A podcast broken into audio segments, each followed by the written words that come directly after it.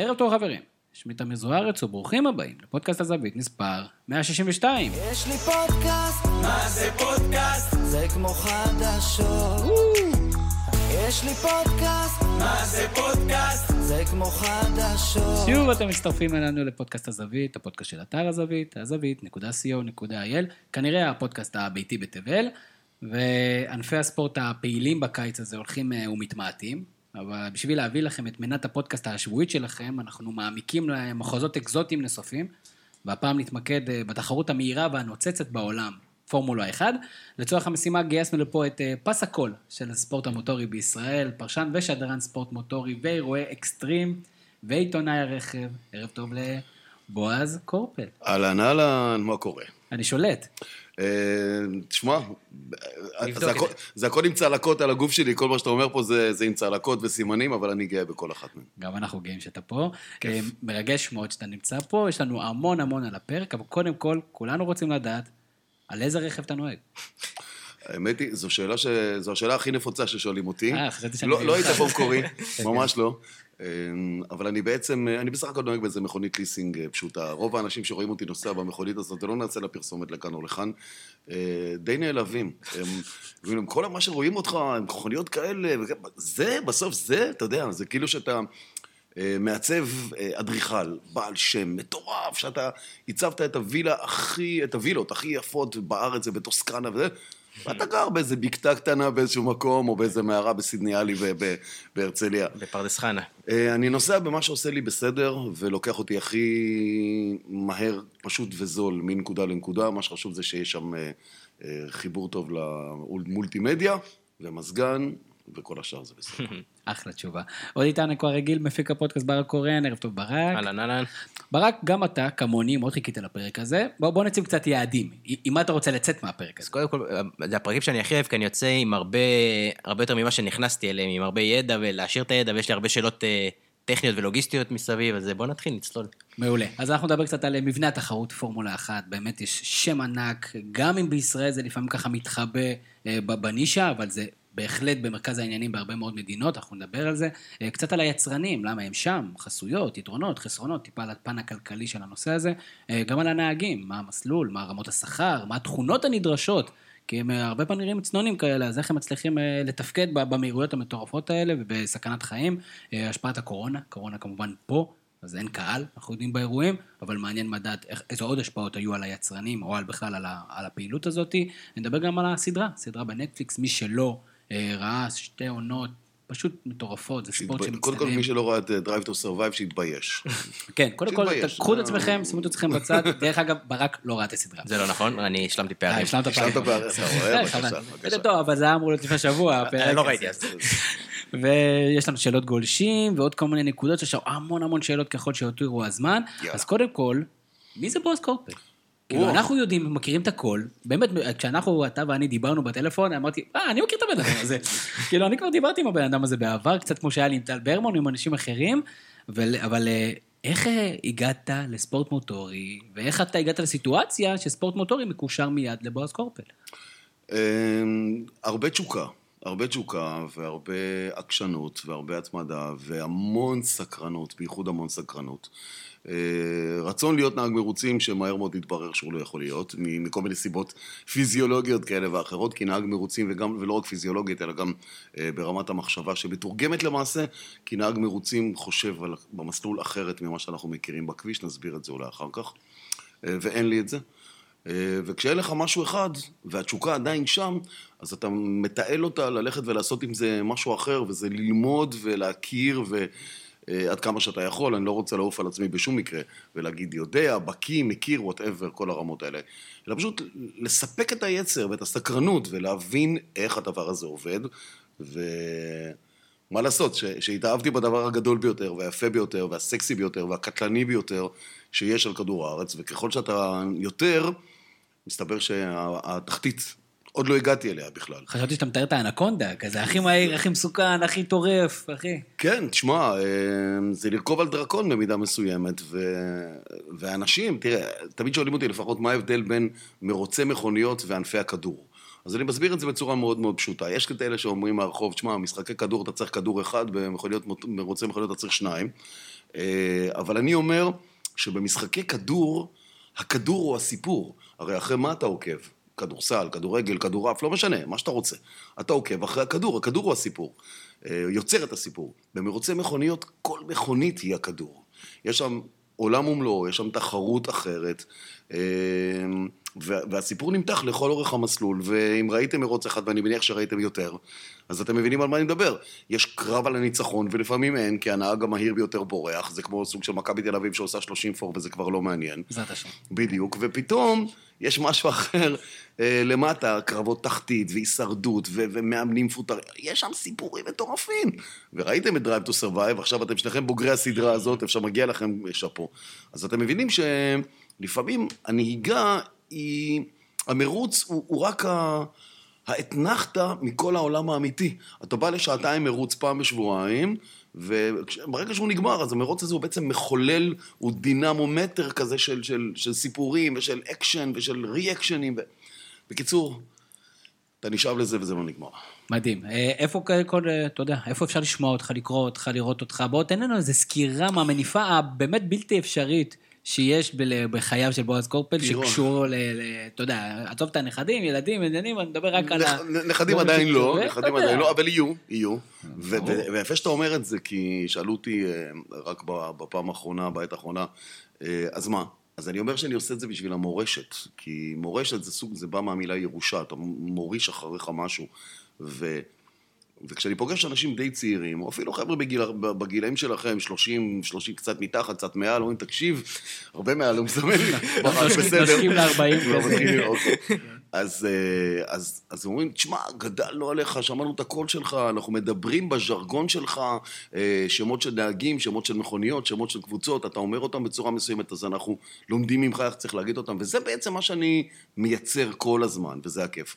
אז יש לי את אה, עולם הרכב של ערוץ הספורט, שזה...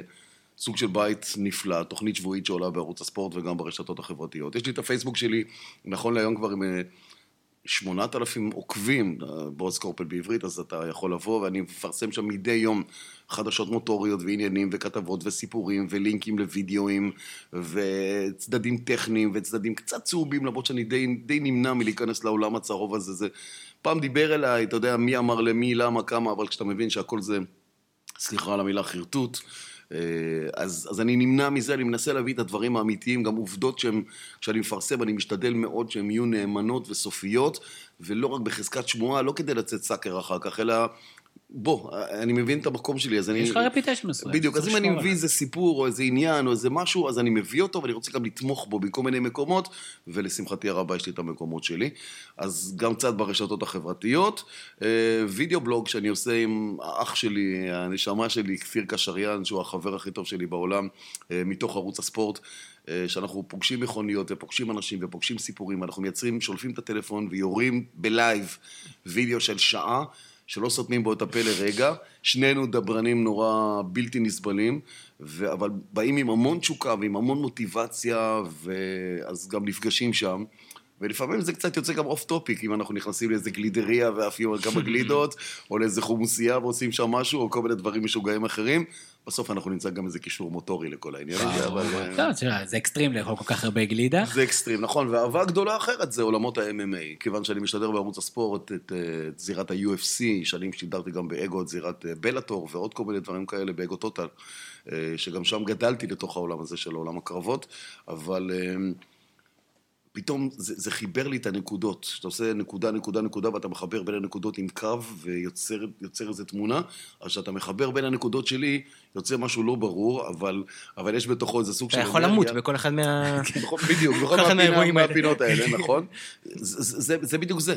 כלומר, הדברים שהם על הגבול, על הקו, על הסיכון. האקסטרים. אה, נכון, והצלע הכי לא קשורה, היא עולמות הסנוקר. אני פשוט מטורף על סנוקר.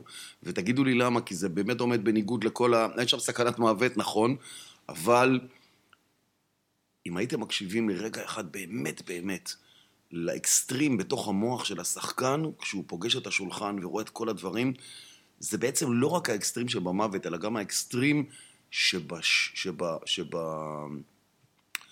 סוג של להיות הכי מרוכז שאתה רק יכול.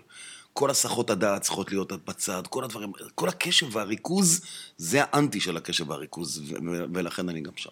מעניין מאוד מאוד, אבל הנושא שלנו היום הוא הפורמולה 1. נשים בצד את הדברים אה, האחרים. קודם כל בוא נדבר על זה, פורמולה 1, אתה יודע, יש לנו אנשים, חלק מהמאזינים שלנו, אני מניח מאלפי המאזינים שלנו, יש גם אנשים שאתה יודע, פורמולה 1 מבחינתם זה כותרת, אז בוא נדבר קצת על מה זה פורמולה 1? נכון, פורמולה 1 זאת אה, בעצם אליפות העולם היוקרתית, הגדולה והחזקה והוותיקה ביותר בסבב מרוצי המכוניות העולמי, כי יש מרוצי מכוניות שקשורים למדינות, ליבשות, ויש סבבים עולמיים. אז זה הסבב העולמי הוותיק והגדול ביותר, שחוגג השנה 70 שנה. אה, בעידן החדש זה התחיל בשנת 1950 אחרי מלחמת העולם השנייה, אבל היו עוד מרוצי גרנד פרי, קראו לזה קודם לכן. אה, לרבות בשנים שקצת נגעו אפילו במלחמת העולם השנייה, אה, אבל אחר כך כל מה שקרה שם כמובן עצר את הכל. ו... והסבב הזה של הפורמולה אחת הוא בעצם הקרקס הגדול, המוטורי הגדול ביותר בעולם. תחשבו על הקרקס שמגיע לעיר עם כל הקרונות והאוהלים הגדולים וחדרי האירוח המפוארים ביותר וכולי וכולי, ומושך אליו את, את, את כל מי שאוהב את הספורט הזה וכל מי שאוהב גם את הזוהר, כי תמיד נמשכים לשם כל השחקנים והכוכבים והכסף הגדול והפרסום הגדול. בגלל הסכנה הזאת שאנשים שם, אתה רואה אותם היום ואתה לא יודע אם תראה אותם בעוד שעה, אה, לא יודע אם ראיתם את הסרט ראש. אה, אז אני מאוד ממליץ לכם, אם לא ראיתם, ולמאזינים שלנו, לראות את הסרט ראש על הסיפור בין ג'יימס האנט וניקי לאודה אי שם בשנות ה-70. אותה תאונה שגרמה לניקי לאודה להישרף, ואתם יכולים לראות שאני קצת אה, מצומרר עכשיו, שאני נזכר בדברים האלה. הסיפור הגדול של ג'יימס האנט שכבר לא איתנו. והסרט נפתח ב... בזוג אנשים שלוקחים אלונקה, ובתוכם מוטל נהג, מת, ושומעים ברקע את הקול של, אה, של ניקי לאודה שאומר, ככה זה, בכל שבוע, אחד פחות, אחד פחות, אחד פחות. וזה לא מנע מהאנשים לבוא ולהמשיך ולעשות את זה, וזה גם לא מנע מהצופים שגם נהרגו אלפים, אה, לא אלפים, נהרגו רבים, סליחה, אני לוקח בחזרה את המילה, נהרגו רבים בתאונות, כי עולמות הבטיחות לא היו כאלה, גם בצד של המכוניות וגם בצד של הצופים. אה, נהרגו... אפילו בטיחות הייתה סוג של איזה, אה, אתה יודע, משהו מגונה, מה, אני, בטיחות, הרי... אני לא בטוח שהם קראו תיגר על עולם הבטיחות. המפנה הגדול ביותר בתחום הבטיחות במרוצי מכוניות בפורמולה אחת או מכוניות single seater, כי אם נכנסים להגדרה, אלה מכוניות single seater, מכונית חד מושבית, open wheel, גלגל חשוף, הנהג גם חשוף לרוח, אין לו גג, אין לו שמשה, אין לו, מש... אין לו כלוב שיגן עליו כמו במכונית ראלי, אם תראו פעם מכונית ראלי, אז הוא יושב ממש בתוך כלוב ברזל ששומר עליו. שוב, נלך לעולם הקולנוע, ממליץ לכם לראות את הסרט של אה, תום קרוז, אה, שהוא היה שם נהג נסקר וזה, הוא נכנס למכונית דרך החלון והוא בכלל יושב בתוך, בתוך כלוב ולא בתוך מכונית רגילה. המפנה הגדול ביותר קרה אחרי התאונה שבה נהרג ארטון סנה, שהיה אלוף העולם, אה, באימולה, נכון, באיטליה, אה, שבאיטליה, יום אחרי שנהרג נהג אחר בשם רולנד רצנברגר, ופרופסור סיד ווטקינס, על העיר חמו, שהיה הרופא של ה-FIA, ה-FIA זה הארגון העולמי למרוצי מכוניות, אה, הוא כתב את הספר שדיבר על כל הפילוסופיה ותפיסת הבטיחות במכוניות. וזה לא כל כך פשוט ליישם את זה.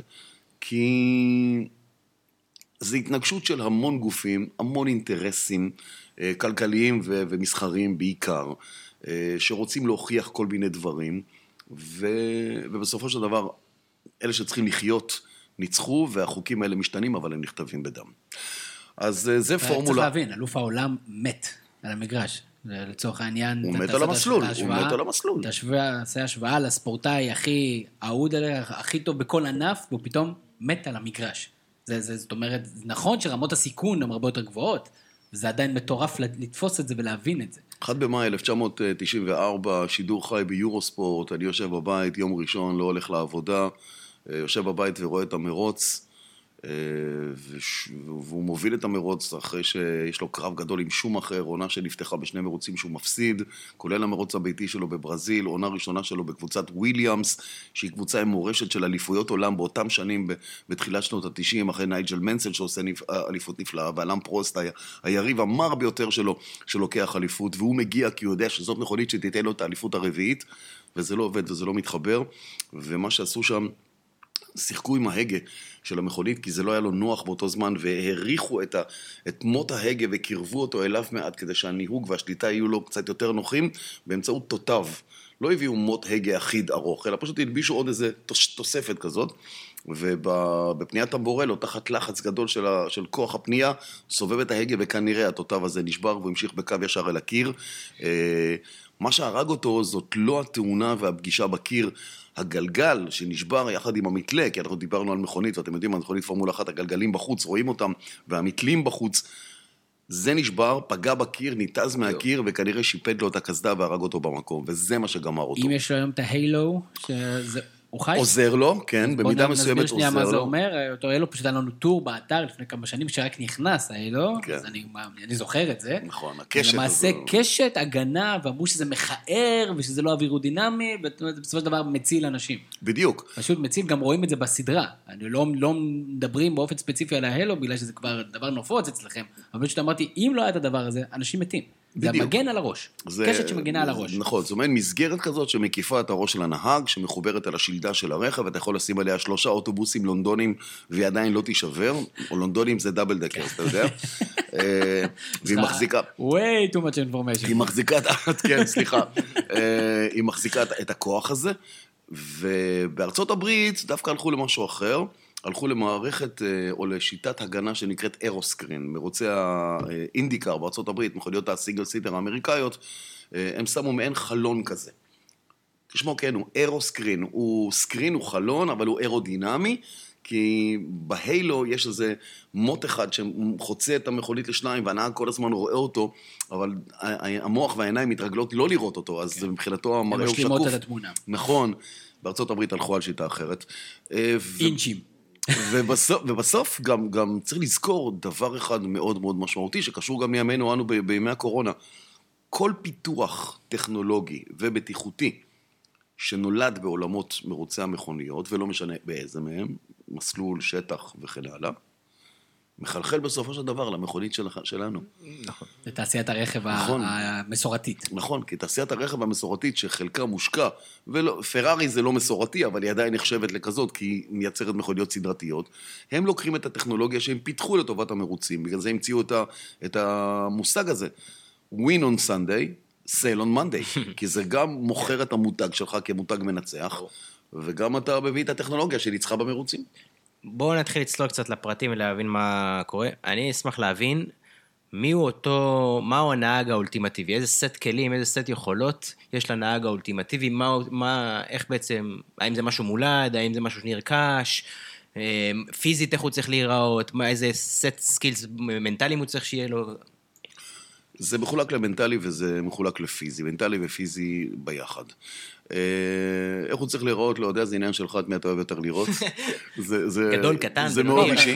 גבוה, יש יתרון למישהו שהוא גבוה יותר? לא, אין שום יתרון, ההפך זה חיסרון. הנהג, אה, עבור המתכנן של המכונית, בואו נלך קודם לשלב הזה, עבור המתכנן של המכונית, הנהג הוא משקולת. הוא פשוט משקולת. כי המנוע נמצא מאחורה, תיבת ההילוכים נמצאת מאחורה, כך שבערך מה... מה מנקודת האמצע של המכונית, אם אנחנו מסתכלים עליה מהצד, ועד החרטום אין שם כלום. זה פשוט תא ריק, אין כלום, הכל נמצא אחורה. מכל הדלק נמצא אחורה, כל הרכיבים הכבדים יושבים אחורה.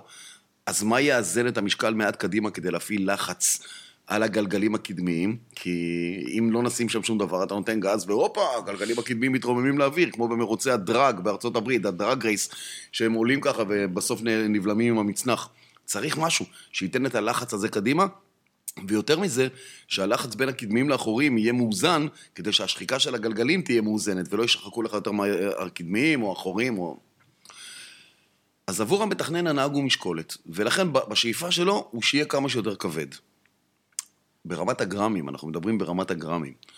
עבור התכנון הכללי של המכונית, עדיף שהוא יהיה כמה שיותר קל. כי אתה לא רוצה, כי משקל כבד מעיק על המכונית, וככל שהמשקל של המכונית קל יותר, היא נוסעת מהר יותר, זה עובד. ולכן הפשרה היא על נהגים שהם באזור ה-60 עד 70 קילו. הגובה בין מטר 60 למטר 70, פחות או יותר. אה, די, די ננסים. אה, מי שגבוה, והיו כמה גם, גם גבוהים כאלה של מטר 80 עד מטר 90, עברו דיאטות קטלניות, שלעיתים גם גבלו בסכנת נפשות. כי כשאתה נוסע במסלול וה-G בפניות הוא חמישה, שישה G, ואתה איבדת הרבה נוזלים, ואתה גם מאבד תוך כדי המרוץ נוזלים, תשמעו, הם מאבדים, הם חותכים משקל כמו ג'ודוקות, כמו לוחמים, ערב המרוץ, הם לא יושבים כל היום על 70 קילו, הם ביום יום מסתובבים על 80-85 קילו. טוב. עכשיו, זה לא שהוא צריך להגיע למרוץ ב-70 קילו, אז הוא חותך 15 קילו. מראש מחפשים אותו זה. אבל אומרים להם, תורידו, תורידו, תורידו, תורידו, ואז אתה מאבד, אתה פתאום אה, יכול לאבד הכרה. וזה מסוכן. אז החליטו לעצור עם זה, וההתאחדות המוטורית, ההתאחדות לספורט מוטורי אה, העלתה את המינימום של משקל נהג ביחד, כי שוקלים אותם ביחד, אתם רואים בסוף המרוץ הם הולכים להישקל, יחד עם הקסדה וכל הציוד שלהם. אה, אז זה ברמה הפיזית. הם צריכים להיות משקולת, לא גדולה ולא קטנה. ברמה, בסט הכלים השני זה הסט של המחשבה. נהג מרוצים, תראו, מה אתם עושים כשאתם נוסעים במכונית שלכם במהירות של 70-80 קמ"ש, ואתם יודעים שאתם צריכים לפנות ימינה עוד מעט, ואתם רואים את הפנייה מגיעה, אפילו אם אין רמזור, אתם צריכים לפנות ימינה. באופן טבעי, אתם מרימים את הרגל מהגז, אחר כך עוברים לברקס, אם צריך מורידים גם הילוך, נכנסים אל הפנייה וזה לא. נהג מרוצים, נהג מרוצים, לגעת בברקס זו קללה, אוקיי? אם אתה נוגע בברקס, בברקס אתה pussy. אתה צריך להגיע למצב lifting, lifting זה להרים את הרגל מהדוושה. כמה שפחות לגעת בברקס, תשתמש בבלימת מנוע, תוריד הילוכים בכניסה לפנייה, אבל תעשה את העברת משקל ואת הנגיעה בברקס מטר לפני הפנייה. הם מגיעים ב-300 עד הפנייה. הוא לא רואה שיודע לפנות, אז הוא... עכשיו, זה לא רק אם מישהו תוקף אותו והוא צריך לברוח ממנו, גם כשהוא לבד, הוא עושה אותו דבר. הוא בולם, הוא נוסע 300 על הישורת, 330 על הישורת, והוא מגיע לפנייה והוא בולם על הפנייה, כי הוא כל הזמן רוצה לברוח מאלה שרודפים אחריו, אוקיי? הוא טייס קרב. אתה אומר, זה בתוך... אפילו לא בולם, הוא רק מוריד את הרגל מהגז. הוא בולם, הוא בולם, הוא בולם, הוא בולם. הוא קודם כל יוריד את הרגל מהגז כדי לא לגעת בברקס, הברקס יהיה המוצא האחרון, והוא יבלום כמו שלא בלמתם בחיים שלכם. זה הכל הרגל עד הסוף. נהגתם פעם בטנק? לצערי, בטומטים. טומטים ונגמשים. יפה. אז אני נהגתי במרכבה סימן 4, לא בשירותי הפעיל, אלא באחד מהצילומים לכמה דברים, והבן שלי, אה, הוא נהג מרכבה לשעבר, הוא אומר לי, אבא, זה מדהים, זה מרצדס הטנק הזה, תיסע בטנק אחר, אתה מכניס את הרגל, אתה מרגיש את הגב, אתה עולה... הם לוחצים. עד שהנשמה שלהם יוצאת על הברקס, ואז כל המשקל של המכונית עובר קדימה, או מקבל היגוי. כשהמשקל עובר קדימה אתה מקבל היגוי, ואז אתה יכול להיכנס אל הפנייה ולשלוט ברכב. אם לא תעשה את זה, אתה פשוט ממשיך בקו ישר. והם חוזרים על הרוטינה הזאת עשרות פעמים במהלך המרוץ, בכל פנייה, והם לא מרפים מהדבר הזה, אלא רק מגבירים את הקצב. הם צריכים להיות מאוד ערניים למצב הצמיגים שלהם, כי הצמיגים שלהם זה בדיוק כמו הנעליים של יוסן בולט. אתה יכול לתת לו את הכושר להיות אנטילופה ולרוץ, אבל אם תשים אותו בפליפלופ או בהוויאנס, כל, כל, כל הכוח שלו, כל המהירות שלו לא שווה. אז צורת המחשבה שלהם, סגנון, הסגנון שבו הם רואים את הדרך שהם צריכים לעשות ואיך, זה הדבר הקובע. זה, מדובר על, על, על אינסטינקטים התגובות. טבעיים, או שמשהו שנרכש? קודם כל זה משהו מולד. זה חייב להיות מולד. כשאתה שם נהג עם כישרון מולד אה, מול נהג שלומד, יכול להיות שהם באיזשהו מקום בסוף הדרך גם ייפגשו. עד שהם ייפגשו, זה עם הכישרון המולד כבר יהיה עם ארון גביעים מטורף, ההוא יהיה עם קצת פחות. אה, וההישגים שלו יבואו לידי ביטוי מהר יותר, הוא יתקדם מהר יותר. ואתה יכול לראות את זה בין נהגים ש... שנמצאים היום בקצה, למעלה, בקצפת, סבסטיאן פטל, לואיס המילטון, מקס ורסטאפן, אה, נהגים ברמה הזאת, שארל לקלר מפרארי, נהגים שזה לא משנה על מה תשים אותם. קודם כל הם תחרותיים למות, כאילו הם, הוא צריך ללכת לעשות פיפי, הוא עושה תחרות עם עצמו כמה פעמים, הוא מגיע יותר מהר לשירותים, הוא תחרותי למות. והדבר השני, הוא גם יחשב את הדרך הקצרה ביותר להגיע לעשות את הפיפי הזה. הוא לא ייקח את הזמן, ילך... לא, לא, לא, בום, קו ישר. נהגי מרוצים מיישרים קווים, לא עושים את הפניות. מה לגבי אה, חלוקת קשב ובכלל להיות אה, בן אדם שמסוגל להקשיב? כי מה שמדהים אותי בדבר הזה, הוא, הוא כאילו לבד בדבר הזה, אבל הוא לא לבד. כל הזמן מדברים איתו באוזן ומקבל הוראות. השאלה, כמה הוא חייב להיות team player, כמה, כמה הוא בעצם מתייחס לדבר הזה. האם אפשר בכלל, אני שנייה משווה את זה, שחקני כדורסל, שבאנרגיות גבוהות ויורדים לטיים-אאוט, והמאמן מתחיל להעביר להם הוראות, או מתאגרף שבהפסקה מתחילים להעביר הוראות, אז 20 אחוז נכנס, 10 אחוז נכנס, כמה מתוך זה אצל הנהג בפורמולה?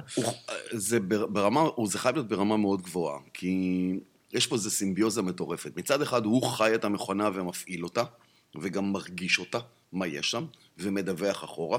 מצד שני, על המכונית עצמה יש מאות חיישנים. שנקלטים במשדרי טלמטריה, במקלטי טלמטריה, סליחה, שיש ברחבת הטיפולים, לכל קבוצה יש את האזור שלה, ומרימים שם אנטנות, מה זה נראה כמו חוות הצלחות בראם, משהו משוגע. והמכונית משדרת המון המון המון נתונים, יש שם שורה גדולה מאוד של מהנדסים שמאבדים את כל הנתונים האלה, יש גם מהנדסים שמרגלים אחרי מכוניות אחרות ושומעים ורואים מה הם עושים, ואת כל המידע המטורף הזה צריך לעבד ביחד כדי לתת בסוף, בסוף כל המשוואה הזאת, שזה פוליגון עם איזה 80 אלף אה, משתנים, צריך לתת תשובה אחת, עכשיו לנהג מה לעשות, או המלצה. או הנחיה או המלצה. הוא יכול לקבל אותה, יכול לדחות אותה. ברוב הפעמים הוא יקבל אותה, אבל הוא גם צריך את המידע הזה. ולכן חלוקת הקשב שלו צריכה להיות מטורפת, הוא צריך לקבל את המידע הזה, לראות איפה הוא נמצא בתוך המסלול, מי תוקף אותו, מה הפער שלו מהנהגים האחרים. יש לו על ההגה אין סוף כפתורים ובקרות שבהם הוא משנה את ההתנהגות של המכונית ככל פעם שהיא משתנה. אה, בשנים האחרונות אלה מכוניות היברידיות, אז גם טוענים את הסוללה. הוא צריך לדעת מתי להשתמש באנרגיה החשמלית שיש שם מעבר למנוע בנזין שיש. מכונית היברידית זה כמו יונדאי איוניק או טויוטה אה, קורולה. אה, אז יש שם מערכות היברידיות, כי אמרנו שיצרני הרכב משתמשים בטכנולוגיה, אחר כך להעביר אותם למכוניות שלנו. אז זה זה. ושורה תחתונה לשאלה שלך? כן. כן, big time. חלוקת קשב מטורפת.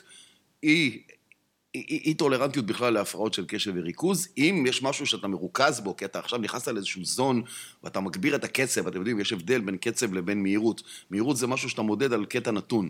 קצב זה כמו שאתה רץ במעגל ועכשיו אתה רץ יותר מהר, ויותר מהר, ויותר מהר, ויותר מהר, אז זה כמו מטרונום כזה, שאתה מעלה את הקצב, טיק, טיק, טיק, טיק, טיק, טיק, טיק, טיק, טיק, אתה כל הזמן מעלה את הקצב, לא את המהירות, אז הוא חי בעולמות האלה, וככל שהוא חי את זה ורואה את זה, המכונית משתנה תוך כדי. הצמיגים שלה נשחקים, כמות הדלק יורדת, ההיגוי שלו משתנה, קורים שם המון דברים, אז הוא צריך גם את המידע מאחורה, בגב, שידחפו לו ויספרו לו מה קורה גם עם המכונית, וזה כל הרעש שקורה שם, זה כל הסיפור שלו. זה מין איזה אבולוציה מה שקרתה, הרי אני מניח שבתחילת הדרך זה לא היה, כל הטכנולוגיה וכל ה... בנהג, ו-the best man wins. ועכשיו זה לא the best man wins, זה the best team wins. the best machine wins. זה, זה נכון מאוד, כי זה Team Machine and Driver. זה, הנהג עומד בקצה של איזושהי פירמידה שמתחת יש מאות אנשים. הצוות שלו כולל כמה עשרות אנשים, נשים בצד רגע את הקורונה, אבל זה כמה עשרות אנשים. בכלל בחברה של פורמולה 1, בקבוצה, במפעל של פורמולה 1, יש סדר גודל של 500 איש שעובדים בפיתוח, בייצור, בהנדסה. הצוות שנוסע למסלול כולל בסביבות 20-25 אנשים לכל, או 20 איש בערך לכל נהג שעוטפים את המכונית ונותנים לה את השירות וגם לנהג. אה, ויחסי ציבור, ותקשורת, ועיתונות, ועוד ועוד. זו מכונה משומנת, ענקית כזאת, שיודעת לייצר טרנובר של בסביבות שישה מיליארד דולר בשנה, זה מה שהספורט הזה עושה. ו... ובקצה הזה של הפירמידה הוא נמצא, ובעבר זה לא היה, או לפחות בעוצמות הרבה יותר, וזה הרבה התבסס יותר על, ה, על, ה, על הכישרון נהיגה פיור של הנהג, אבל גם המכוניות לא היו כל כך זהות. כי אם אנחנו נסתכל על, על הסרטים ההיסטוריים של המכוניות מפעם, אז הן היו אחרות לגמרי בצורה שלהן, במשקל שלהן, בטכניקה של הנהיגה שלהן. המרוצים היו בכלל על כבישים ציבוריים, כמו במונאקו, כמו בסינגפור, זה לא היה מרוצי מסלול סטרילים כמו שיש לנו בסך הכל היום. אבל זה היה סגנון אחר לגמרי, והיו גם ביג גייז, אני יכול לציין את uh, ויטוריו ברמבילה, שקראו, הגורילה זה היה הכינוי שלו, אפילו חואן מנואל פנחיו, שהיה חמש פעמים אלוף העולם הארגנטיני הראשון בהיסטוריה שעשה את כל אליפויות העולם, הוא גם לא היה הדחליל הכי, הכי דק בשכונה, חבר'ה שהיו כאלה, אבל עם השנים, ככל שהטכנולוגיה השתפרה, ואתם יודעים איך זה בעולמות של הספורט, גם בכדורגל וכדורסל, ממתי מתי כדורגלנים רצו עם גוזיות ועם, ועם כל מיני נכון. מכשירי GPS על החזה שלהם, וכמה הם נושמים וכמה הם אוכלים וכמה חומצות מלח הם פול... מתי? זה היה בכדורגל של פעם, ספרו את זה לבובי צ'רלטון, ספרו את זה למשחקים של, של הכדורגל של פעם, של השחור לבן, זה לא היה, מי... ואם אתם מספרים להם את זה, צוחקים עליכם, אתם משוגעים לגמרי. אז זה רק, זה, והכל נועד, זה בעצם סוג של מחדד כזה גדול. ואנחנו העיפרון, כל העסק הזה הוא העיפרון, ואתה מכניס אותו למחדד ובסובב, ואתה יוצא חד יותר. הוא בא עם המטאפורות חזקות וחדות מאוד, חדות מאוד. זה החיים שלי, אני שם, דרך אגב, כל הזמן. מה המסלול של נהגים? בואו נדבר על זה קצת. אתה, דיברנו על אה, שאל קלר למשל, חבר'ה שבגיל 12-13 התחרו בקארטינג. נכון. והיו ממש טובים בזה, ואז עברו ל... מה, ואנחנו יודעים גם פורמולה 3, פורמולה 2, נכון, וככה, נכון. ספר לנו קצת על איך, ככה ממש בקצרה, על מה מה המסלול, איך אתה הסולם מגיע להיות המודרני, פורמולה כן, 1. הסולם כי המודרני, בסופו של דבר יש 20 נהגי פורמולה 1, צריך להבין את זה. יש 20 פעילים, ועוד כמה... יש עוד עשרה שמאחורה כדי להיות נהגים אה, מחליפים, במידה ואחד מהם לא יכול, הנה ראיתם סוף שבוע האחרון, נהג שחלה בקורונה, והקפיצו מישהו, סיפור לא קלאסי, כי הנהג השלישי שלהם היה בכלל במקום אחר, אבל יש עוד עשרה רזרבים, ונכון להיום יש אפילו סוג של אקדמיות, כמו רועי ניסני הישראלי, שנמצא שם בקבוצת וויליאמס, ויש לוויליאמס, כמו לעוד כמה קבוצות, רנו, פרארי, מרצדס וכולי, יש מעין אקדמיה, יש מעין affiliate driver כזה, הוא נהג תחת המעטפת שלהם. שמטפחים אותם מלמטה ומגדלים אותם, רדבול ידועה בזה במיוחד, אה, להביא אותם לחזית אחרי שהם שייפו אותם טוב טוב ו- ויודעים להוציא מהם את התוצאות. אבל זה כלום, זאת אומרת. זה, זה מעט מאוד נהגים. נכון, אבל בוא, בוא נזכור, כי בסוף אה, גם כמה אצנים בעולם יש, אתה, אתה לא צריך לענות, ויוסיין בולט יש רק אחד, כמה כדורסלנים יש, אתה לא צריך לענות, יש רק לברון ג'יימס אחד, ועוד ועוד ועוד.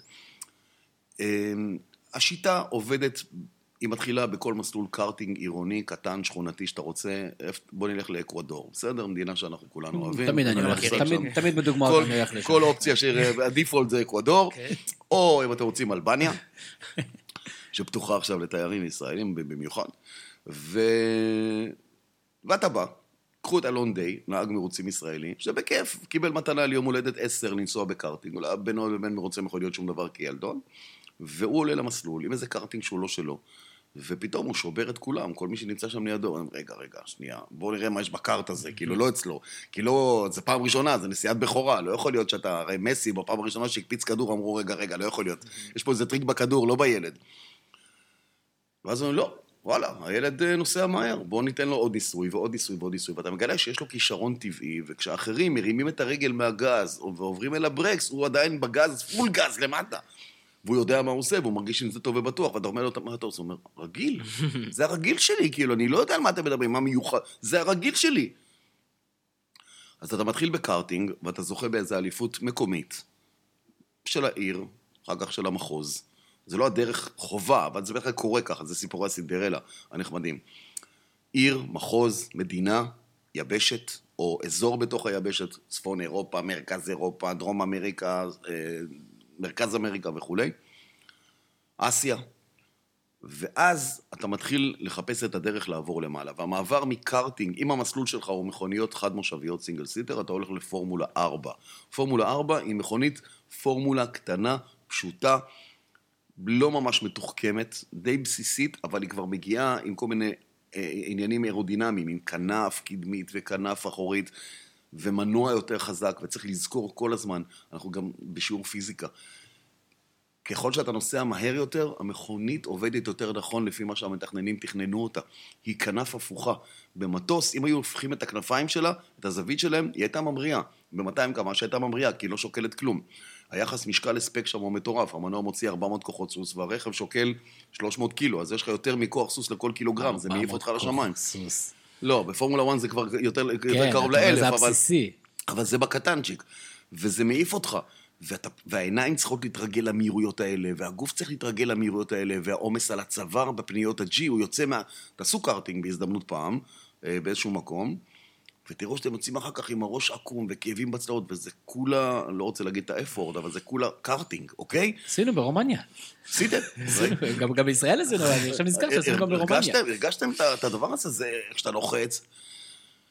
אז פורמולה 4 נותן לך את הכלים הבסיסיים, וזה כמו מסננת, כמו שאמא שלכם הייתה עושה את העוגה, שמה את האורז או את הקמח, ומתחילה לסנן, לסנן את הזה, ואז היה נשאר הטוב, וזה מה שנשאר במסננת הטוב, וזה גם מה ש... עם התוצאות האלה, אתה מתחיל לבנות את ה-CV שלך, את כרטיס הביקור שלך. אומרת, ניצחתי פה, ניצחתי פה, עשיתי שיא מסלול, הייתי שני, הייתי שלישי, קיבלתי ככה, עשיתי ככה. אתה אוסף את הנתונים, והולך לשוק ומחפש מקום בקבוצה עם קטגוריה גבוהה יותר, והגבוהה יותר זה פורמולה 3, שזה אומר מכונית חזקה יותר, מהירויות גבוהות יותר, טכנולוגיה מתקדמת, מתקדמת יותר, אתה כבר הולך ומתנסה במשהו יותר חזק. הצלחת גם שם, המסננת ממשיכה לנער את, ה, את מי שבפנים ואת מי שבחוץ, ואתה עולה לפורמולה 2, ופורמולה 2 זה בית הגידול לפורמולה, לפורמולה 1, ומתחילים, וחלק מהנהגים בפורמולה 2 הם כבר נהגים של קבוצות ממש, שהם שמים אותם שם בסוג של מעבדה וניסוי כלים. ואם אתה מצליח לשרוד גם את העניין הזה ולהביא תוצאות טובות, יש לך סיכוי טוב להגיע לקטגוריה עולמית גדולה, פורמולה 1 לא תמיד יהיה לך מזל, אה, זה הרבה פעמים עניין של מזל וגם כסף שאתה צריך להביא או מהבית או ששמים עליך, ואם זה לא עובד, אז יש אליפויות אחרות, יש את הפורמולה E החשמלית, יש עוד הרבה הרבה מקומות אחרים. מאיזה רמה, בתהליך שסיפרת, אתה יכול להתפרנס מזה? כלומר, יש את כל הנושא שדיברת עליו, שזה החסויות והספונסרים, אז אני מניח שאתה חייב אותם כדי להגיע לאיזה נקודה מסוימת, מאיזה נקודה אתה יכול, אתה אומר, אוקיי, זה הביזנס שלי, עם זה אני יכול לחיות.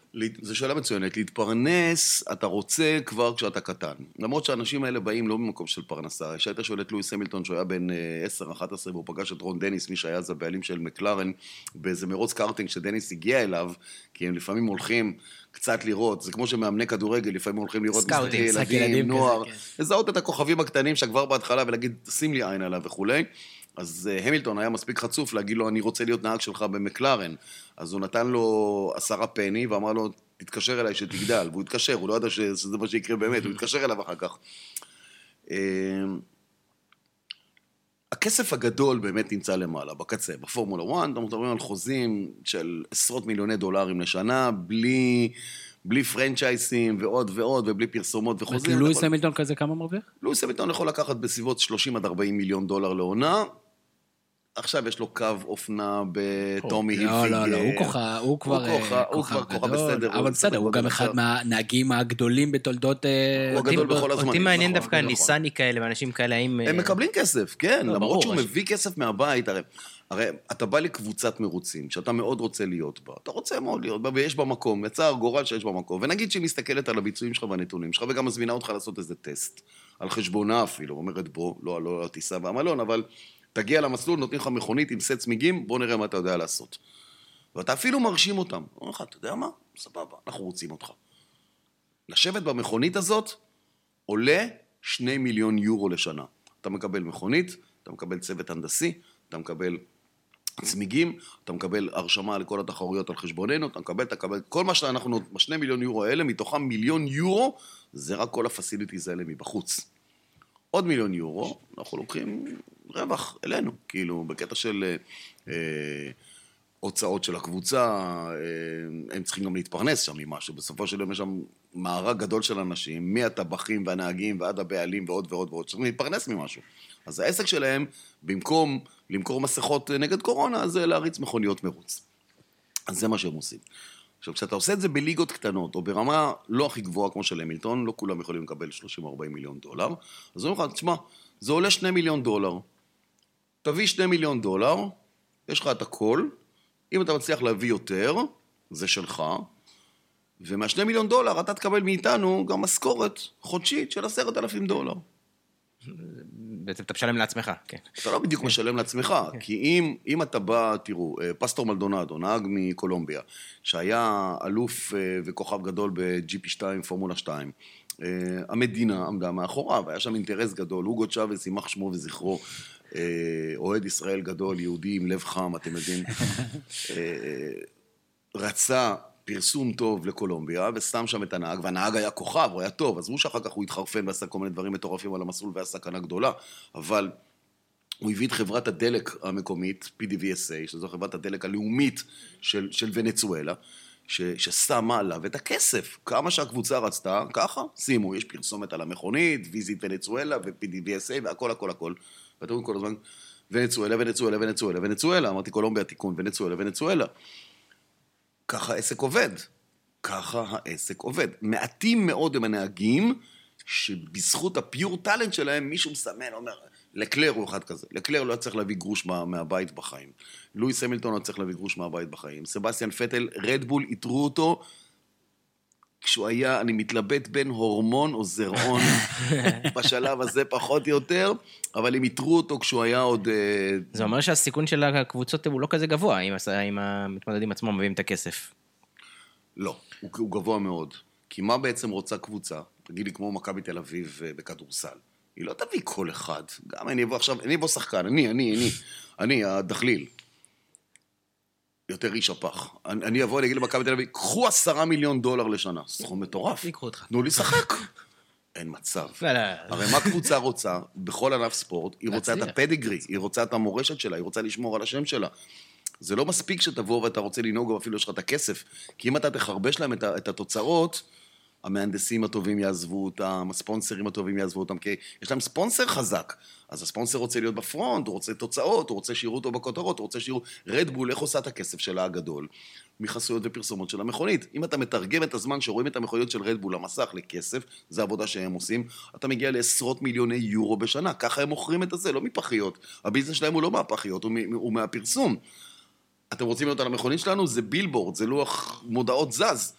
תהיו עלינו, שלמו מיליונים, ואם נגדיל את הפרונט עוד כמה מיליונים, וזהו, ואתם איתנו על המסך כל הזמן, ואם אנחנו מנצחים, אנחנו בכותרות ומדברים, תעשו פורמולה 1 בגוגל, תראו כמה אתם מקבלים, ברור. כמה, כמה, באיזה, כמה אתרים זה מוזכר. ובסדרה בנטפליקס, וזה, וקשר למצוינות, ולחיבור עם צעירים, וחיבור עם קהילה, ומיליון דברים. ותעוזה וחדשנות, ועוד ועוד ועוד ועוד, ותראה מה אתה מקבל, מטורף. אה, אותו נהג, בואו נדבר קצת אה, על, על היום-יום שלו. מה, כמה אימונים הם מתאמנים, למשל כדורגלן, הוא הולך לעבודה, כל יום, כל יום הולך לעבודה, מתאמן, אימוני כושר, אימוני דה דה דה. מה זה בעצם אה, נהג אה, מרוצים? נהג מרוצים חי תחת משטר שהקבוצה אה, מכתיבה לו. סדר היום, הוא, הוא, הוא חייל, סדר היום שלו כבר לא שלו. המרוץ, כמו שאמרנו קודם, זה בשבילו היום הכי כיף, הכי נוח, הכי קל. למרות שאחרי המרוץ כל מיני תקשורת והודעות וראיונות וכולי וכולי. אימוני כושר יומיומיים, בין אם זה חדר כושר אישי או חדר כושר של הקבוצה, כאשר רדבול לקחו את זה לרמה של אסטרונאוטים, איפה שהם זורקים את האסטרונאוט שלהם מהחלל, עושים את כל הדברים המטורפים, גם הספורטאים שלהם מתאמנים במכון הזה, כל הזמן. הם עם רופאים שבודקים אותם ואת אחוז החמצן בציפורן של סבתא שלהם, כל מיני דברים הזויים לגמרי. מכונה שמכשירה את האנשים להיות אתלטים מטורפים, הם קוראים להם אתלטים. אה, תזונה, מחולקת לקלוריות ברמה של אם אכלת בפסטה פנה עוד צינור אחד כזה, גמרנו, זה עכשיו, אתה מת. אה, כמה חלבונים, כמה פחמימות, כמה כזה, כמה סוכרים, כמה, כמה, כמה. כל הזמן מים, מים, מים, לא תתפסו נהג אחד בלי בקבוק מים, הם כל הזמן שותים, כיוון שהם כל הזמן בפעילות, אז הם כל הזמן שותים, הם בטרפת. אה, אימונים חזקים על שרירי צוואר, כי שימו את הקסדה על הראש, היא שוקלת בין 700 לקילו, 700 גרם לקילו, ותיכנסו לפנייה ב-7 G, אז משקל הראש גדול פי 7 מהמשקל האמיתי שלו, ואז גם הקסדה שוקלת פי 7, ותחזיקו את הראש בקו ישר. אתם רוצים ניסוי בפעם הבאה שאתם נוסעים בכביש 6, תוציאו את היד מהחלון ב-100, אבל לא ככה, כמו שזה כנף כזה, אלא עם התנגדות, תרגישו התנגדות על היד ב-100 קמ"ש, כמה זמן תחזיקו את היד בחוץ, דקה, תישבר לכם היד, הוא צריך עם הראש בחוץ ב-300 קמ"ש שעה וחצי, שנבין רק כמה זה עובד, כולל בפיתולים עם עומס G. אז נהגי גרנד פרי, אתם רואים שיש להם צוואר, מה זה צוואר?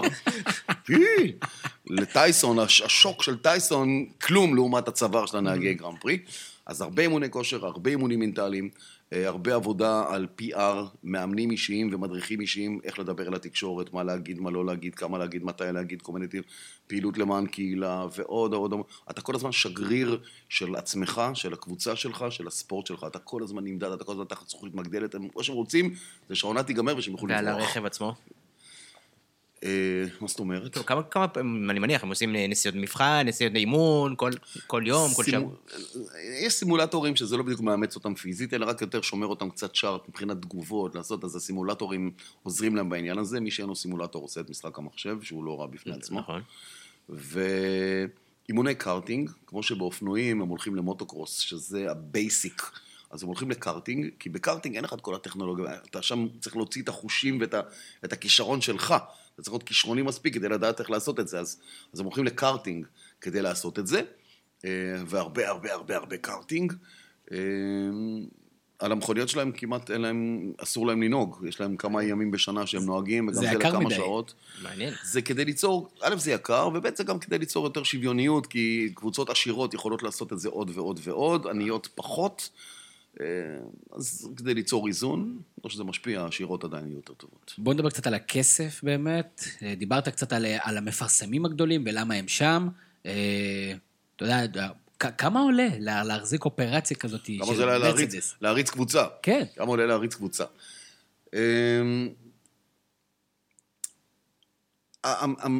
הגולדן נאמבר, בוא נקרא לזה, מספר הזהב הוא בסביבות ה-300 מיליון דולר לשנה.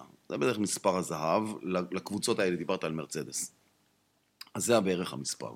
אם אתה יודע לנהל את זה בצורה יותר יעילה, אתה יכול לחסוך 20, 30, 40 מיליון זה כולל הפיתוח על הרכב? כולל הכל, end to end. יש, עכשיו, ככל שאנחנו מתקדמים בשנים, וזה כבר ייכנס לתוקף בשנה הבאה, תקציבי הפיתוח אה, ילכו להיות בפיקוח. מה שהקבוצות לא רצו שיקרה עד עכשיו, הקבוצות העשירות במיוחד, פרארי, לא רצו שיקרה כי הם יכולים להשקיע כמה שבא להם ולפתח בין מרוץ למרוץ עוד ועוד אלמנטים על המכונית, ואחרים לא, וככה בעצם אתה לא משיג תחרותיות. אז רוצים שתהיה יותר תחרותיות, אז הצליחו להכניע את פרארי ולגרום לתקציבים להיות תחת פיקוח, ובשלוש-ארבע שנים הקרובות גם לרדת בחמישה עשרה מיליון דולר בכל שנה, כאשר לקבוצות חלשות תינתנה הטבות כמו בדראפט. הקבוצות החלשות יכולות לבחור את השחקנים הטובים ראשונים. אז הקבוצות החלשות בפורמולה 1 יוכלו לקבל הטבות של יותר שעות אימון וכן הלאה וכן הלאה. אז אתה צריך 300-400 מיליון דולר, שזה מהפחית משקה באולם אירוח שלך במסלול, עד, עד לצמיגים, לבתי המלון, לטיסות, למשכורות, אה, לרופאים הצמודים, להנדסה, לכל דבר כזה. יש לך את התקציב שלך, אם אתה יצרן רכב, כמו רנו למשל, אז הוא מתקצב את הפעילות של קבוצת הספורט שלו, ויש מי שמגיש את החשבונות, יש שם מפיק שכל חשבונית, הוא צריך לאשר אותה, ומישהו, הכסף הזה בא באיזשהו מקום. אז רנו אני מבין, ומרצלס אני מבין, ואפילו פרארי אני מבין, למה אס נמצאים שם? למה הוויליאמס נמצאים שם? אה, כי וויליאמס נמצאים שם, אה, אתה יודע, זה תמיד שואלים אותי, למה שפן שהוא רץ? זו שאלה כאילו כזאת, רץ. אז וויליאמס, וויליאמס, פרנק וויליאמס, התחיל את המסע שלו מהתשוקה בעצמו למרוצי מכוניות. הוא חבר לבחור אחר בשם פטריק הד, הם הקימו ביחד קבוצת מרוצים בריטית. הספורט הזה ברובו הוא בריטי, שבע מתוך עשר הקבוצות נמצאות באנגליה. רק אה, פרארי, טורו רוסו ואלפה רומאו לא נמצאות אה, באנגליה, כל שבע הקבוצות האחרות נמצאות באנגליה, גם אם זה מרצדס הם באנגליה, גם אם זה רנו הם נמצאים באנגליה. אה, ואלה קבוצות פרטיות, זה כמו שתגיד למה... פעם בכדורגל, סליחה, זה כן. היו אגודות, היו אגודות, מכבי, הפועל, ביתר וזה. זה התחיל מאיזשהו מקום, כי רצו לאסוף צעירים, לתת להם פעילות ספורט, אחר כך הפכו את זה, ואז מכרו את זה לאנשי עסקים, שהסמל נשאר, אבל כל מה שקשור לאגודות פעם לא היה. אז האס נמצא שם לביזנס, אוקיי? ג'ין האס הוא אה, בחור שבא מארצות הברית, יש לו תשוקה גדולה מאוד למרוצי מכוניות באמריקה, אה, והוא זה בעצם חברה שמייצרת ציוד כרסום, אם אתם יודעים מה זה, כרסומות ומחרטות וכל מיני דברים כאלה, mm-hmm. heavy duty לכל מיני מפעלים ובתי מלאכה, לא הדבר הכי חכם בעולם, דרך אגב היפנים עושים את זה הרבה יותר טוב ממנו, אה, הציוד שלו הוא לא הכי מתוחכם שיש, אבל אתה יודע, לפעמים יש כאלה שצריכים לקנות בזול יותר, אה, אתה צריך איזה מחרטה או איזה מקדחה מיוחדת, אתה לא יכול לקנות משהו מיפן, שהוא בא ומודד לך במיקרונים ובלייזר וזה, אתה, אתה יכול לשים סרגל וזאת המידה, הכל בסדר. אז, אז זה פילנטרופיה? לגמרי. אבל מה הוא אומר? הוא אומר, הוא יודע שהוא גם לא יהיה אלוף עולם. זה כמו שבני יהודה יודעת שהיא לא תהיה, לא תעבור את שלב הבתים בליגת האלופות. אז, אז, אבל לפחות הם יוציאו את הכסף. אם יגיעו לשלב הבתים, הם כבר יקבלו את הכסף הזה וכולי. אז זה השאלה נוספת. אז הוא בונה תקציב. אז שאלה נוספת, האם הם רווחיים, הפסדיים? חייבים להיות רווחיים. ברגע שאתה מפסיד, אתה הולך הביתה. FOM זה Formula 1 Management, זה ארגון של כל הקבוצות שמייצג אותם מול ליברטי מידיה שהיא בעלת הזיכיון על הספורט הזה ומוכרת את הזכויות שידור שלו ואת כל ה merchandise אה, וה-FIA. הם דואגים לאינטרס של הקבוצות. אומרים כל קבוצה שמשתתפת באליפות, בנתח מההכנסות מקבלת את החלק שלה. הגדולה והראשונה שמנצחת מקבלת את הנתח הגדול ביותר, השנייה, השני בגודלו וכן הלאה. אמ, אז אתה יודע, אתה, אתה מראש פחות או יותר יודע איפה תהיה, אתה לוקח אולי איזו תוכנית חישוב כזאת, אתה אומר, אני יכול להיות גם אחרון במקרה של האס, אז אני אקבל את המינימום של המינימום, ובתוך אמ, הסיפור הזה אתה מביא גם נותני חסות, ואז אתה אומר, בשביל להריץ קבוצה, אני צריך 150 מיליון. בוא נעמיד קודם את ה-150 מיליון. ואז אנחנו לוקחים נהגים כמו גרוז'אן, כמו מגנוסן, לפעמים כאלה שמביאים גם קצת, קצת כסף מהבית, כי גרוז'אן הוא צרפתי, אז הוא מביא את חברת Elf של הדלק, ואז היא נותנת לנו גם דלק בזול יותר, שנוכל להפעיל את המכונית, ואנחנו ממליצים ושמים דמויות של הנהגים בתחנות דלק בצרפת, והם מרגישים שהם גיבורים כמו אסטריקס וכל... זה, הכל זה עבודת חרטוט כזאת, אבל הכל זה בסוף לייצר את הכסף שהוא צריך כדי להעמיד את הקבוצה. אין בקרה תקציבית. זה לא כמו בכדורגל או בכדורסל שאתם מגיעים, אין בקרה תקציבית. בסדר, לא בטוח שגם... הבקרה התקציבית היא... גם לא, בבקרה גם תקציבית, זה. לא. הבקרה התקציבית היא שלהם, הם לא יביאו תוצאות, הספונסרים לא יבואו, אין קבוצה, נגמר הסיפור, זהו. יש לי שאלה לגבי הלוגיסטיקה בתור אה, חובב אה, לוגיסטיקה. מדובר פה בעצם על אה, מוסכים מעופפים, הם עוברים ממדינות למדינות, ממגרשים למגרשים, וכמו שאמרת, מכולות. מיבשות ליבשות. איך הדבר הזה מתנהל? אני כל הזמן מסתכל על זה ואני רואה את ה... כל מרוץ, אני רואה את ה... כל מה שקורה שם, איך זה מתנייד, איך זה זז, כמה מכוניות בעצם אה, עוברות ממרוץ למרוץ? מה, תן לנו קצת מושג, כי זה מדהים, מעבר לספורט עצמו. נכון, זה סיפור שלהם, כל העניין הלוגיסטי. לכל קבוצה יש שתי מכוניות. הם מגיעים למסלול, המסלול מקצה לכל קבוצה אה, גראז' שמחולק לשניים, שכל מכונית מקבלת צד אחד שלו. אה, החלק האחורי של המוסך, עומדות שם משאיות שפורקות את המכוניות, את כל הציוד הטכני שהמכוניות צריכות כשירות. אה, חלקים. כמה זה הקמה של. דבר כזה? בין מסלולים? כמה זמן הם הם עובדים על מגיעים, ההקמה? הם מגיעים למסלול בדרך כלל ביום חמישי בבוקר, אה, מהר. כן?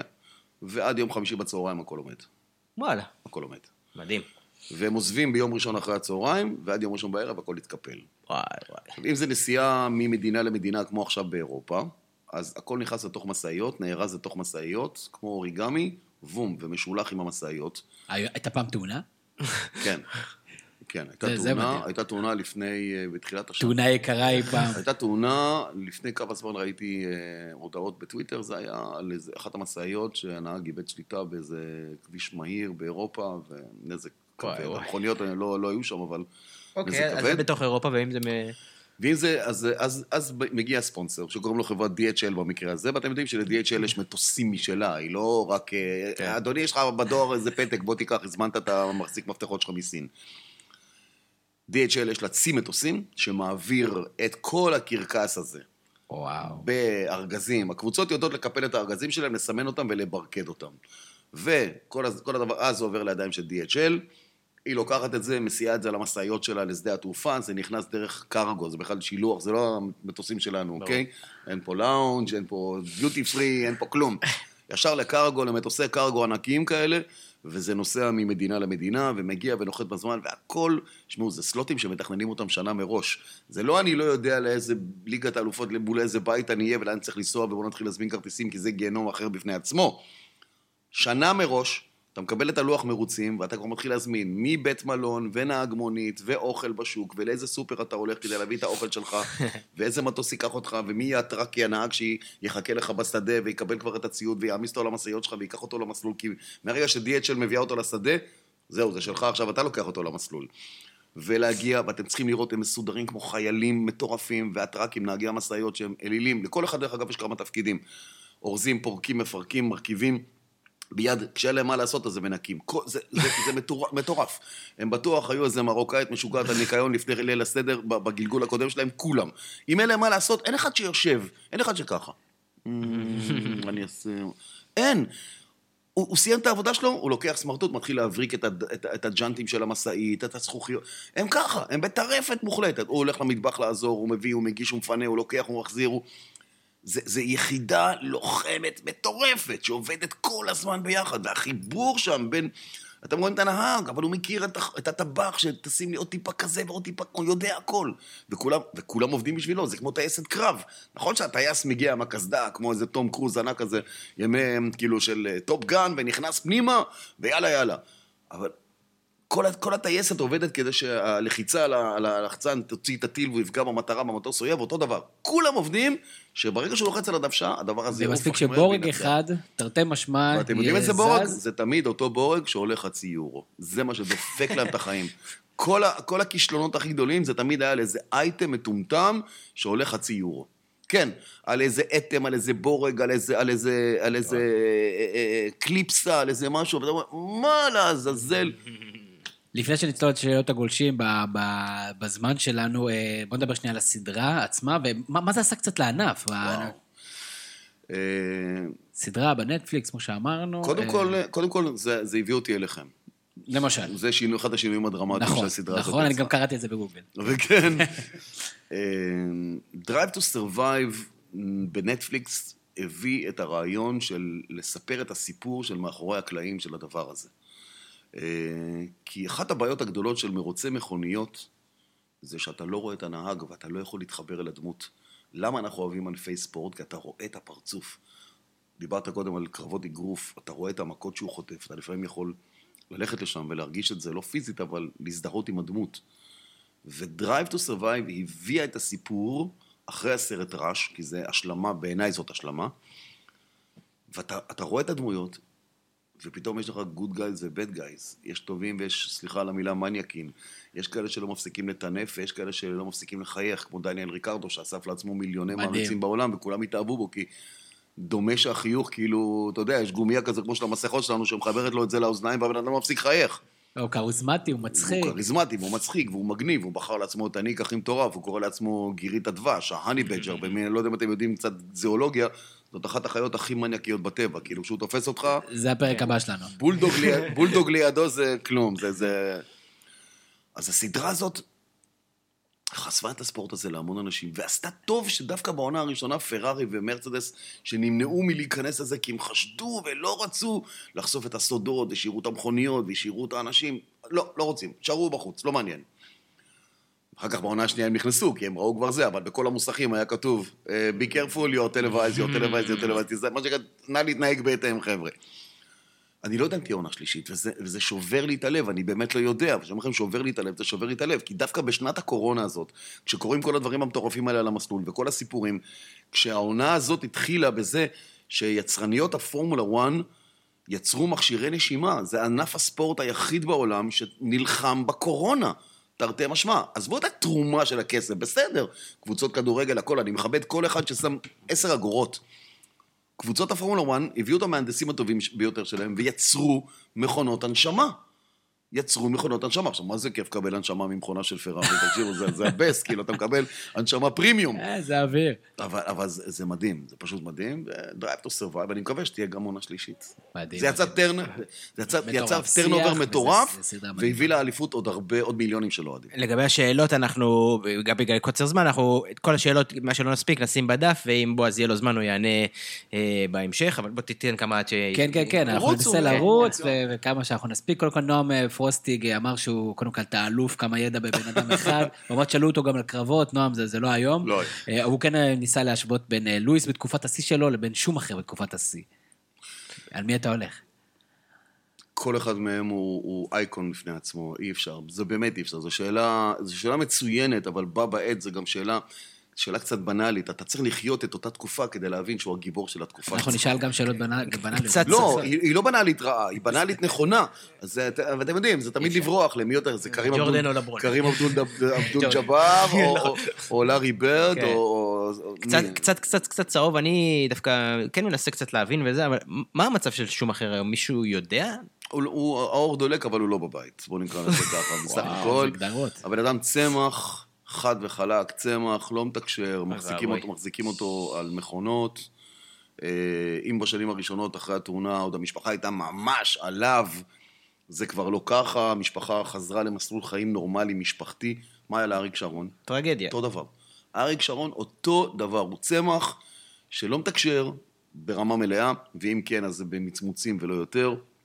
גם הביקורים אצלו פסקו, של רוב האנשים שהיו שם, כי אין עם מי לתקשר. דווקא היה קצת אופטימיות לאחרונה, נכון? לא, לא הייתה שום אופטימיות. מה שמנסים לעשות זה לקחת אה, דם שלו ולהחזיר לו את הדם דרך איזושהי מכונה, עם איזשהו סינון מסוים, עוד משהו. מנסים עליו כל מיני דברים כדי להחזיק אותו בחיים. ועכשיו זה קורה לאלכס זנרדי, עוד נהג מרוצים גדול, איטלקי, שנפגע בתאונת דרכים באופני יד.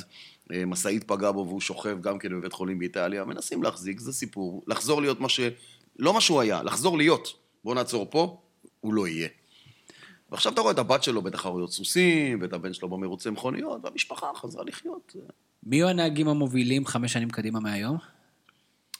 שרל לקלר, שרל לקלר, מקס ורסטאפן, אה, ג'ורג' ראסל, אה, שנוהג היום בוויליאמס, אה,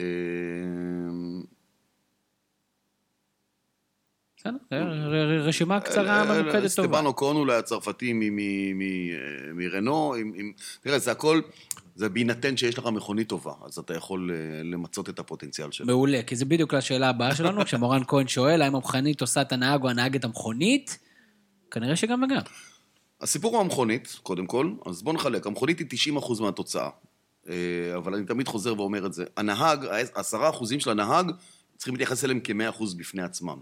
אז אם אתה שם את הס... על סרגל הנהגים בלבד, פה אתה צריך להבין שלואיס המילטון הוא בעצם עילוי. כי, אני אחזור אל עצמי, פעם אמר ניקי לאודה על העיר חמור, כשהושיבו אותו במכונית של יגואר, שהוא ניהל את קבוצת יגואר, כשהוא חזר לפורמולה 1 אחרי הפסקת, אה, הפסקה ארוכה בקריירה, בטח שלא כנהג, הוא אמר, הוא נסע במכונית הזאת, הוא אמר, חבר'ה, מה, אתם יכולים לשים קוף וזה עושה הכל לבד. הוא לא טעה הרבה, הוא לא טעה הרבה, אבל החלטות שאתה צריך לקחת, הקוף לא יכול לקחת. הגדולה של הנהג היא בלתפעל את המכונה הזאת. אם אני אשב בתוך ססנה, אני לא יודע להמריא, אני אתרסק. אז מה, תשים אותי ב-F35, אז אני פתאום כן אהיה גדול, כי ה-F35 הוא משוכלל או משהו? החיבור בין הבן אדם, הגדולה של נהגים זה לראות אותם מוציאים יותר ממכונית שהיא על פניו נחותה. כשאתה רואה אותו יושב במכונית שאתה לא מצפה שהיא תנצח, והוא לא מנצח, אבל הוא מגיע לטופ 10, או בסביבה של הנקודות, אומר, רגע, רגע, אני יודע שהמכונית הזאת לא גליק כזה גדול, אבל תראה מה הוא עושה איתה. זאת אומרת שיש אצלו איזה משהו. אין ספק. כמה נהגים נמצאים בסבב לא, לא בזכות יכולת הנהיגה שלהם, אלא בגלל הממון של, של אבא שלהם. הרוב. או... זה... הרוב? הרוב. וואו. הרוב. מדהים, אה, הרוב. זה אחלה, הרוב. זה מראה, זה... כן. אבל, יש. אבל יש כאלה שבאים עם הכסף, שקנה להם את המקום, אבל הם סוגרים לכולם את הפה, כי הם מוכיחים ש, שיש שם גם משהו. אה, אז הרוב הם כאלה. אודי ריבן שואל, מה קרה לפרארי שהיא בכזה פיגור פתאום מול מרצדס? לקחו לה, את ה... לקחו לה את הסוכריה הכי חשובה שהייתה לה, את הכוח מנוע. בשנים האחרונות היה לה כוח מנוע שהושג בדרך, אי אפשר לומר את המילה לא חוקית לכאורה, אה, שהושג בדרך שהיא... אם לא- יש עשן, לא יש אש. מפוקחת? אם אוקיי. יש עשן, יש אש. זה ניטל ממנה בעקבות תלונות של קבוצות, תלונות של קבוצות, וכשהדבר הזה ניטל ממנה, אז היא נחשפה במערומיה, היא ניסתה לפצות על העניין הזה עם דברים אחרים ברמה של אירודינמיקה ועוד כל מיני דברים, אבל אם לא אכלת אז אין לך כוח לרוץ, לא יעזור כלום. והוא שואל, אם תמיר עדיין לא שאל, למה גרוז'יאן כל, כל כך אוהב לרסק מכוניות? אה, איך אמר פעם שלום חנוך אה, בשיר שלו, כאילו, אתה חוטף אחד, אתה חוטף שני, אתה פשוט נהנה מזה, זה עוד, וזה בא עוד ועוד. הוא פשוט אומן בלפוצץ מכוניות. שזה... כל אחד צריך- והמורשת שלו, בסוף הזכירו אותו. תשמע, היה לו כבר קטע, פעם אחת, שהוא התרסק והוא האשים נהג אחר שבכלל לא היה למסלול באותו זמן, זה קרה... לא, הוא דחף אותי, הוא זה... תפסיק, אחי, הוא לא שם. הוא לא היה. שם. ככה אני בא כן. במגרש מרקוס- כדורסל, כן. מה, זה כזה, מה, פאול. מרקוס אריקסון, שלא לא- לא- לא- על לא עוול בכפו. עופר אה, גולדמן שואל, האם נראה נהג ישראלי בפורמולה 1? יש לנו נהג ישראלי בפורמולה 1, זה רוי ניסני, ואנחנו נראה אותו נוהג באימון הראשון הרשמי של הפורמולה 1 בגרנד פרי של ספרד ב-14 באוגוסט. הוא יקבל את ההזדמנות הראשונה שלו לנהוג במהלך האימון, הוא יחליף לדעתי את אה, ניקולס לטיפי, את הנהג הקנדי. לא, לא נשמע כזה קנדי. ניקולס לטיפי, כן, הוא, אבא שלו אה, בא מאיראן, אה, איש עסקים קנדי עשיר מאוד מאוד מאוד, רשת הסופרמרקטים הקנדית סופינה ועוד הרבה אנשים כאלה, הוא מחזיק אותה, וקנה לבן שלו את המקום, וגם קנה חוב של וויליאמס על 400 מיליון, אז הקבוצה חייבת לו 400 מיליון. אז אם יקרה שם משהו, צאו, עכשיו הקבוצה שלי. אנחנו נראה את רוי נוסע שם, לא צריך לצפות. רוי, אה, רוי לא יהיה אלוף עולם בפורמולה 1, אבל רוי אלוף עולם שלו, כי העולם שלו זה להיות שם ולממש את החיים שלו ואת הכיף שלו. ולהגיע ממדינה שלא תומכת בספורט הזה, ו... לא יודע כמה המדינה צריכה לתמוך לא, בזה, יש לזה עניין, אין. תשתיות, לא- לא אני לא. רוצה שהמדינה תתמוך, אני רק רוצה שהמדינה לא תפריע, והמדינה שלנו אלופה בלהפריע, ו... וכל רשות הספורט המוטורי המטומטמת שיש פה, ומשרד הספורט הכי הזוי ever, מדינה שיש אה, בה זה- חוק, זה- זה למרות. חוק לספורט מוטורי, אתה זה- אין חוק לשחייה, אין חוק לטניס, אין חוק לעוד הרבה... אין. יש- כמה- כ- כמה טבעו בבריכות ואין חוק לשחייה, אתה מבין? כמה נהרגו במסלולים? אה, לך תתעסק עם הורים. אה, עמרי זאדה שאל שאלה מאוד מאוד מורכבת, אז אנחנו נחכה עם זה בדף. אין, עמרי, נראה לך שהייתי שואל את השאלה הזאת, אין שום סיכוי. זה יהיה בדף. אה, טל בר יוסף שואל, פורמולה 1 בישראל? שום סיכוי. יום אחרי שהאולימפיאדה תהיה פה. נהדר. שאלה אחרונה, ומא- ומאוד מאוד מעניינת בעיניי, מה הרגע הכי דרמטי שאתה זוכר בפורמולה? יוחאי שטיינטר אמר, אני זוכר את הזכייה הבלתי נתפסת של רייקונן, ז- שהגיע ב- בניגוד נכון, לכל בניגוד לכל הסיכויים. התחזיות והציפיות, בדיוק. אז מה הרגע הכי דרמטי? זה ככה יסגור לנו את שאלות הגולשים. אמ, אני אקח את הרגע הכי, הכי דרמטי שלי. אה, כש, כשקורית תאונה על המסלול, ו... ואתה מבין את התאונה, ואתה יודע שהנהג נהרג, אני אעשה את זה קצת מצחיק, למרות שזה בכלל לא, זה כאילו החלום הרטוב שלו, רוני דניאל, לשגר פיגוע, לשדר איזה פיגוע בימים של הפיגועים היו פה כל הזמן. אה, כנראה פיגוע, אה, כנראה אוטובוס, אה, כנראה מחבל, כנראה זה, כנראה זה, כנראה, הוא היה אלוף בכנראה.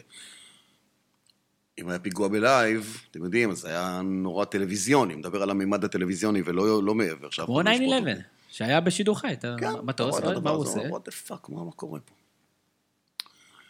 אז uh, התאונה של uh, ז'ול ביאנקי uh, בעיניי הייתה הרגע הכי... שהייתי שם ושידרתי את זה קורה, ואתה יודע שהבן אדם מת. אתה יודע שהבן אדם מת. ואתה צריך לשלוט ו- ולהבין את הסיטואציה ולהעביר אותה לצופים שלך והם איתך. לצערי זה קרה לי גם במוטו פי עם התאונה של מרקו סימונצ'לי ועוד של שויה טומיזאווה. כבר שלושה הרוגים יש לי ברזומה, ששידרתי בשידור חי את התאונות שלהם, וזה בעצם ברמה המקצועית והאישית, זה, זה הרגע שאתה, שאתה מבין שאתה נמצא שם ברמה של שליחות שכזאת, ואתה מספר את הסיפור, ואתה מחזיק את השידור, ואתה מנסה להחזיק את עצמך מצד אחד, עם כל הרגשות וכל העומס הנפשי הכבד הזה, שאתה מספר שמישהו מת לך עכשיו מול העיניים, ואתה... גמרת אותנו, בועז. ו... לא, זה, זה קורה, זה קורה, ולצערי, אני יודע, או חושב, או מרגיש שבאיזשהו מקום זה עוד, עוד יכול לקרות. עוד יכול לקרות. בועז קורפל. כן. תודה רבה. חברים, חברים. היה מהפנט. יכלנו בכיף למלא עוד שעה, שעתיים, אנחנו כנראה נעשה את זה. אנחנו נעשה את זה, אנחנו נעשה את זה, למה שלא נעשה את זה? למה שלא נעשה את זה? פרק למתקדמים יותר. אה, מה נאחל לך? למטיבי לכת. אה, שלא יהיו עוד שידורים כאלה של אה, זה. רק שנהיה בריאים, זה הכל. שנהנה ממה שאנחנו עושים, ונהיה טובים אחד לשני, ולא נהיה שיפוטיים, ולא נהיה נוראיים, שנחבק ונאהב, ונעשה כל דבר שאנחנו רוצים לעשות. שנהיה שוויצרים, זה מה שאתה יוצא אומר. כן, שוקולד וגבינה לא, לא הרגו אף אחד עד היום, זה רק עשה טוב לכולם. בועז קורפל, תודה רבה שאתה באת אלינו. תודה רבה על המקום, תודה רבה על המקום. שהמון המון בהצלחה בהמשך. תודה חברים על המקום, על הלב, על הזמן ועל כל דבר אחר. כאמור, הפודקאסט הוא חלק מהתכנים היומיים שלנו של אתר הזווית. אנחנו מזכירים לכם להיכנס לאתר, להגיב, לכתוב בעצמכם את הזווית שלכם.